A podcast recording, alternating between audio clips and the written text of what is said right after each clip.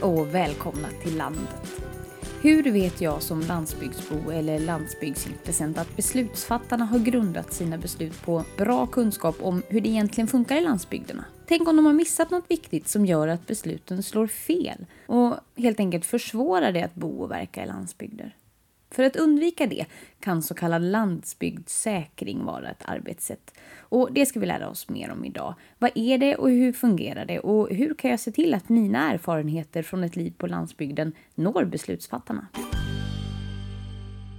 Marcus Södlind, grönsaksodlare utanför Jönköping, är också ledamot i LRFs riksförbundsstyrelse. Anna Ryttberg jobbar på enheten för hållbar landsbygdsutveckling på Näringsdepartementet. Maria Gustafsson och är verksamhetsledare för Nationella landsbygdsnätverket. Vad säger ni, är det här en bra metod? Eh, det beror lite på hur man ser vad man avser med landsbygdssäkring, men utifrån vårt perspektiv i regeringskansliet så är det ju en väldigt viktigt, viktigt arbetssätt att eh, säkra de, de, politiska besluten som tas. Och vi jobbar ju, har ju jobbat alltid med en eh, process som vi kallar för gemensam beredning och där ska ju perspektiven gås igenom eh, för, för alla delar. Eh, och nu med en eh, landsbygdsproposition som vi precis har beslutat om så har vi ju än mer kraft i den här gemensamberedningsprocessen att lyfta landsbygdsperspektivet. Du då Marcus? Jag tror grönsaks och eh, LRF-perspektiv. Ja, just det. Ja, jag tycker att den här metoden där man säkrar de olika politiska besluten Eh, till olika faktorer är väldigt bra. För att eh, normen är ju, staden är ju normen. Eh, och då blir det viktigt att politiska beslut görs konsekvensanalys och säkras upp för hur det påverkar både företagandet men också boendet och livsmiljön på landsbygden. För det bor ju ganska många människor utanför storstaden.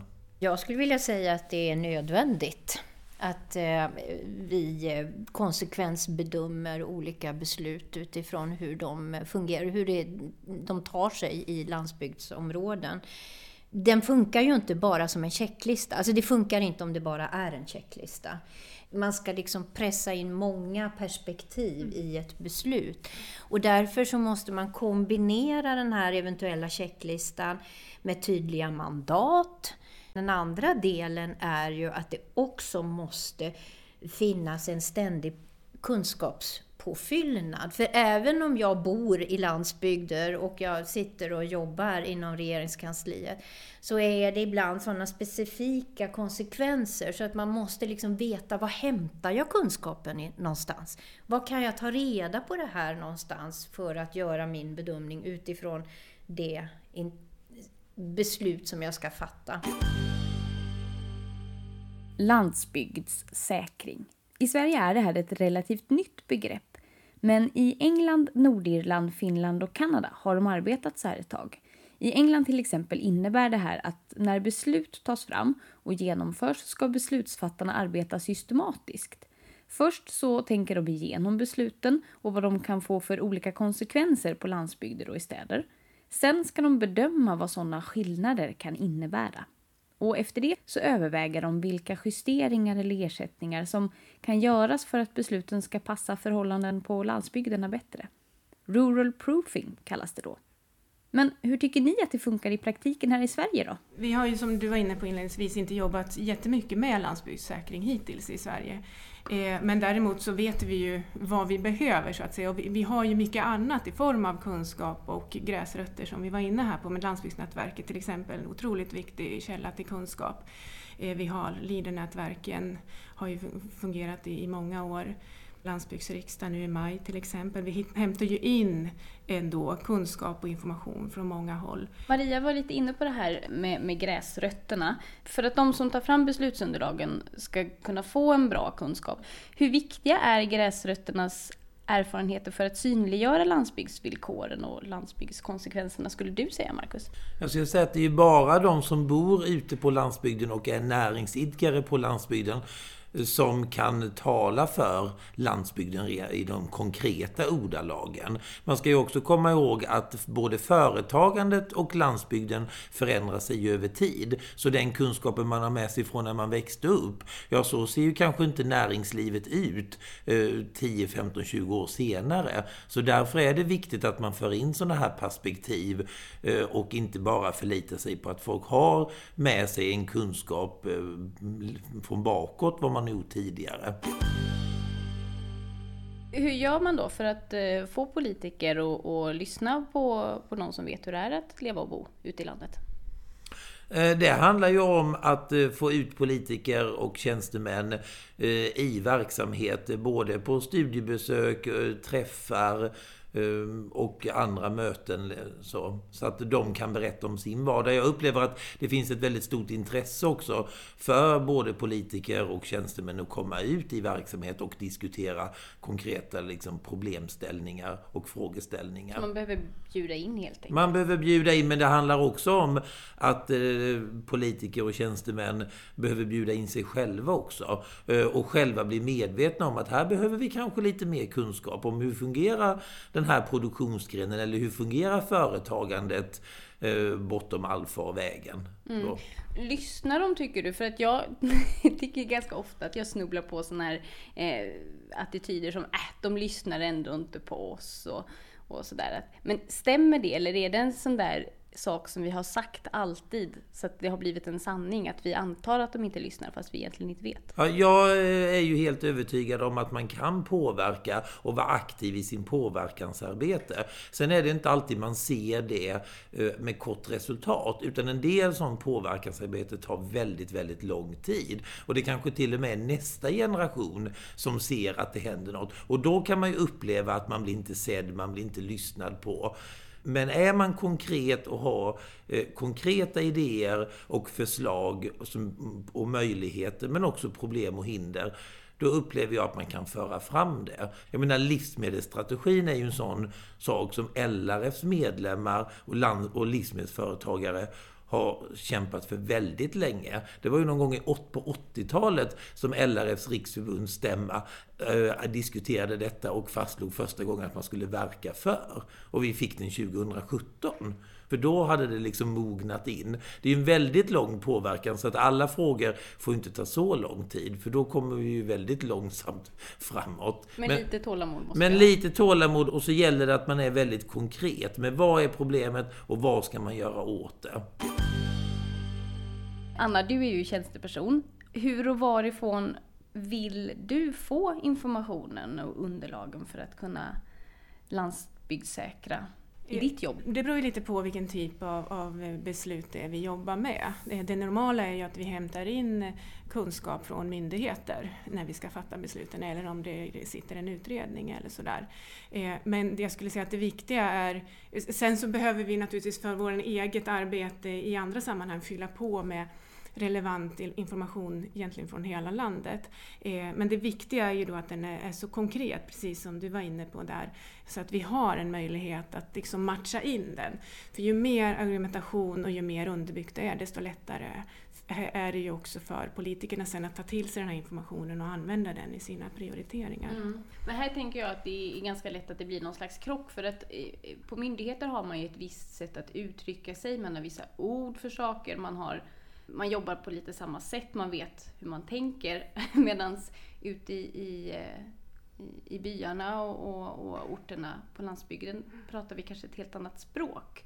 Eh, och vi kanske tycker att vi är konkreta fast vi inte är det. Och jag tänker att det kan bli svårt att, att förstå varandra här. Ja, men jag, jag tror att det, det, är inte är en jättestor risk. Dessutom så har vi då de här eh, mellannätverken eller organisationerna, vad ska kalla det för, som till exempel Landsbygdsnätverket som liksom översätter ju det här ändå. Om det nu är så att man inte hittar språket eller uttrycken eller relevansen så finns det ju människor som jobbar med det här hela dagarna och hjälper till att lyfta de här frågorna på ett sätt så att man kan få det att funka hela vägen upp det, det, det, funkar ju jättefint med både LIDAR-organisationen och nätverket. Mm. För jag tänker en risk med om, om man förlitar sig allt för mycket på andra myndigheters kunskaper också blir ju att då är vi ju tillbaka där att det hänger på den som jobbar på den positionen på myndigheten. Och att dens erfarenheter är uppdaterade och sådär. Är det inte viktigare då att vi hoppar över myndighets och liksom går direkt ner på, Nej, på gräsrotsnivå? Vi, vi kan inte hoppa över myndigheterna, det är inte möjligt. Vi, ett, ett beslut måste ju tas eh, på ett eh, väldigt bra underlag. Och visst att, att en persons upplevelse ute i landsbygden är också ett underlag, men det är fler parametrar som måste räknas in och det är därför vi har myndigheterna. Att landsbygdssäkra handlar ju inte om att man går enbart på en intressents perspektiv. För att vi som finns på landsbygden, vi har ju jättemånga eh, intressen. Eh, en del är miljöaktivister, andra är jordbrukare, en tredje jobbar med eh, verkstadsindustri. Alltså det ser ju så jätteolika ut och vi använder landsbygdsmiljöerna på olika sätt. Så att vi lever ju verkligen i en mångfald av intressen. Och därför så, så är det ju jätteviktigt eh, att ett underlag, ett beslut, måste ju utgå ifrån det som blir landsbygders särskildheter, som man brukar säga. Liksom att det är glesa strukturer, att det är svårare att, att driva service eller bygga vägar, att det kostar mer och så vidare. Och det är ju det som är särskildheterna. Det är ju där som det blir intressant med säkringen också. Det är ju viktigt också att man eh, sammanväger med kunskap. Det finns många som försöker företräda olika intressen som antingen har en ensidig kunskap och inte ser helheten för man utelämnar vissa delar för att man vill visa på en fråga åt ett visst håll och för man har en viss övertygelse. Och det gör ju att debatten blir ju väldigt spretig, väldigt högljudd och lätt ensidig. Och eh, vi förespråkar ju verkligen liksom att vi baserar våra beslut på kunskap och erfarenheter som, som tar verksamheterna och landsbygden framåt i utveckling. Så ni skulle säga att det ändå går att forma de här gemensamma budskapen trots att organisationerna kan ha ganska olika agendor? Ja, för att ytterst är ju sällan när vi samlas i nätverket, det är ju väldigt sällan som de yttre målen ser olika ut. Utan det är ju liksom metoderna för att ta sig till de här yttre målen som brukar skiljas åt. Och, och där behöver man sätta sig ner och brottas en del med och prata om dem, inte brottas rent bokstavligen, men att åtminstone konfrontera varandra med att man har de här olika bilderna. Och det, det tycker jag är eh, att jag ser efter mina år här i landsbygdsnätverket att det är, på väldigt många områden så går det faktiskt bra att göra det, att väga ihop. Och då har vi gjort en del av jobbet åt regeringskansliet till exempel. Mm. Eh, och kansli, regeringskansliets olika departement som också fungerar väldigt mycket i stuprör. Mm. Eh, men det, det, är ju det här att, att hitta ett system för hur vi också kan kommunicera det här på ett bra sätt så att det verkligen kommer till vardagsnytta hos regeringskansliet eller hos Boverket eller Trafikverket mm. eller vad det nu är för någonting. Ja, precis. Hur, hur skulle du utifrån dina erfarenheter och kunskaper, du har ju ändå hållit på med landsbygdsfrågor väldigt länge, men hur ser du att det här sättet att arbeta skulle fungera bäst? Det, jag har ju märkt att bara det här att EU sa till alla medlemsstater, ni ska ha landsbygdsnätverk där ni samlar aktörerna och där de hjälper varandra. Jag tror att det faktiskt också går att säga åt de nationella landsbygdsnätverken att ni ska också fokusera lite grann av det ni håller på med att bidra till landsbygdssäkring. För då tvingas vi i de olika nationella landsbygdsnätverken att hitta de här systemen för hur vi blir bättre på att rutinmässigt överföra det till, som beslutsunderlag. Men Marcus, utifrån din roll som grönsaksodlare då, vad skulle du vilja att det här arbetssättet gör rent konkret? Alltså må, många av företagarna på landsbygden upplever ju att myndigheterna inte alltid tolkar lagstiftningen så som den var tänkt Och Det var det jag ville säga också. Du, myndigheten är viktiga och de samlar in kunskap och så. Men det är väldigt viktigt att man också kommer ner på företags och individnivå på, eh, hos landsbygdsbo och landsbygdsföretagande och samlar in den kunskapen. Eh, för annars är ju risken att myndigheterna blir ett filter. Det är ju som att lägga ett pussel. Man behöver alla bitarna. Mm. Hur ska eh, man göra det då? Hur ska man nå de här så att det inte bara blir enskilda företagare då också som har för precis som landsbygdsbor har olika syn så kan ju företagarna ha olika bilder av vad som behöver göras och sådär. Alltså det, det handlar ju om att, att, samla ihop och sen ser vi ju ofta när det gäller sakfrågor. Så antingen är det, är det vattendelande frågor och då, då är det ju jättebra med neutrala arenor där man kan diskutera det. Eller så är det ganska samstämmigt. Så. Men sen är ju varje verksamhetsområde har sina specifika frågor och det har ju andra svårt att tycka eh, på detaljnivå om. Så, Just det. Ja. Så att, eh, helt enkelt att om, beroende lite på vilken typ av beslut det är som ska tas så kan man vända sig till enskilda eh, kluster Ja, ja, så kan man ju säga. För att titta på förnybar energi, där, där skulle man ju med ett ganska litet jobb veta vilka håller på med vindkraft, vilka håller på med biogas. Eh, så, när det gäller liksom annan typ av produktion, ja då vet vi liksom vilka grupperingar har den här frågan. Och i de grupperingarna så har vi ju rätt bra kartlagt liksom både möjligheter och eh, utvecklingspotential och flaskhalsar. Anna då, varför skulle du säga att landsbygdssäkring just bestäm, behövs? Du som behöver jobba med så många olika sorters säkringar.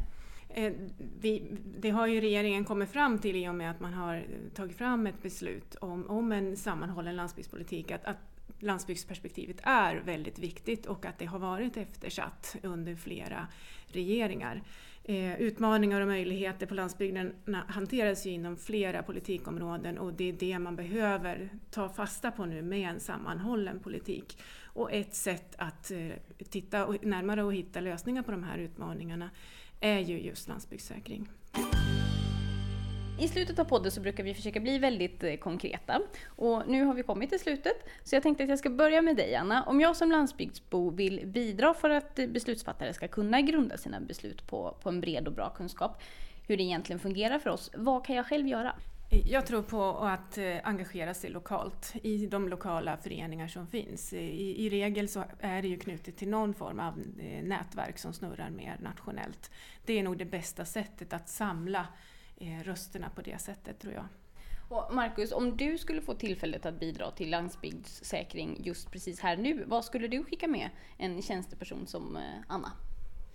Att man eh, har ett brett perspektiv och tar in många olika perspektiv. För vi vet också, det, det blir så väldigt tydligt när man träffar landsbygdsföretagare från hela landet, att vi har, landsbygden ser så olika ut. Det finns de som har landsbygdsföretagandet nära stora tätorter och sen finns det de som verkligen bor ute i glesbygd, som har en helt annan problematik. Men vi pratar ändå landsbygd utifrån någon indelning som vi har, har gjort med antal invånare. Så det är väldigt viktigt att man får, att man är medveten om det, att vi har olika landsbygd och villkoren är olika. Och så Maria då, till sist. Vad blir ditt medskick till den som vill vara med i någon form och engagera sig i den här frågan? Det är väl lite grann detsamma som eh, Anna och Markus har pratat om. Att, att det handlar ju om att eh, göra sin röst och sina konsekvenser som man upplever av olika beslut hörda genom de organisationer vi har. Och en sak som vi inte har pratat om här, som jag ändå vill få med också, det är att när man utbildar människor som kommer att sitta och jobba med policyunderlag som tjänstepersoner, oavsett om det är på en länsstyrelse eller om det är en, i regeringskansli eller på en statlig myndighet, så, så behöver de utbildningarna få ett, ett större inslag av landsbygdskunskaper. För att det är så många tjänstemän idag som har den urbana utgångspunkten för sitt tjänsteutövande. Och det är inte av ovilja som man glömmer bort landsbygder, utan det är helt enkelt för att man inte har fått med sig det verktyget. Ja, gör din röst hörd genom det lokala föreningslivet för att hjälpa till att landsbygdssäkra de politiska besluten. Det verkar ju alla tre gäster vara överens om. Du har lyssnat på Landet och jag heter Ida Lindhagen. Leta rätt på oss i sociala medier eller på landsbygdsnatverket.se om du vill komma i kontakt med redaktionen. Kanske har du ett ämne som du vill att vi ska podda om. Vi hörs!